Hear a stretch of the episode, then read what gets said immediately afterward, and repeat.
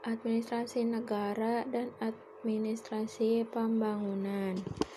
Administrasi pembangunan timbul karena adanya tuntutan dan kebutuhan bagi negara yang sedang berkembang, yang berusaha mengatasi masalah keterbelakangan, kemiskinan, kebodohan, dan sebagainya.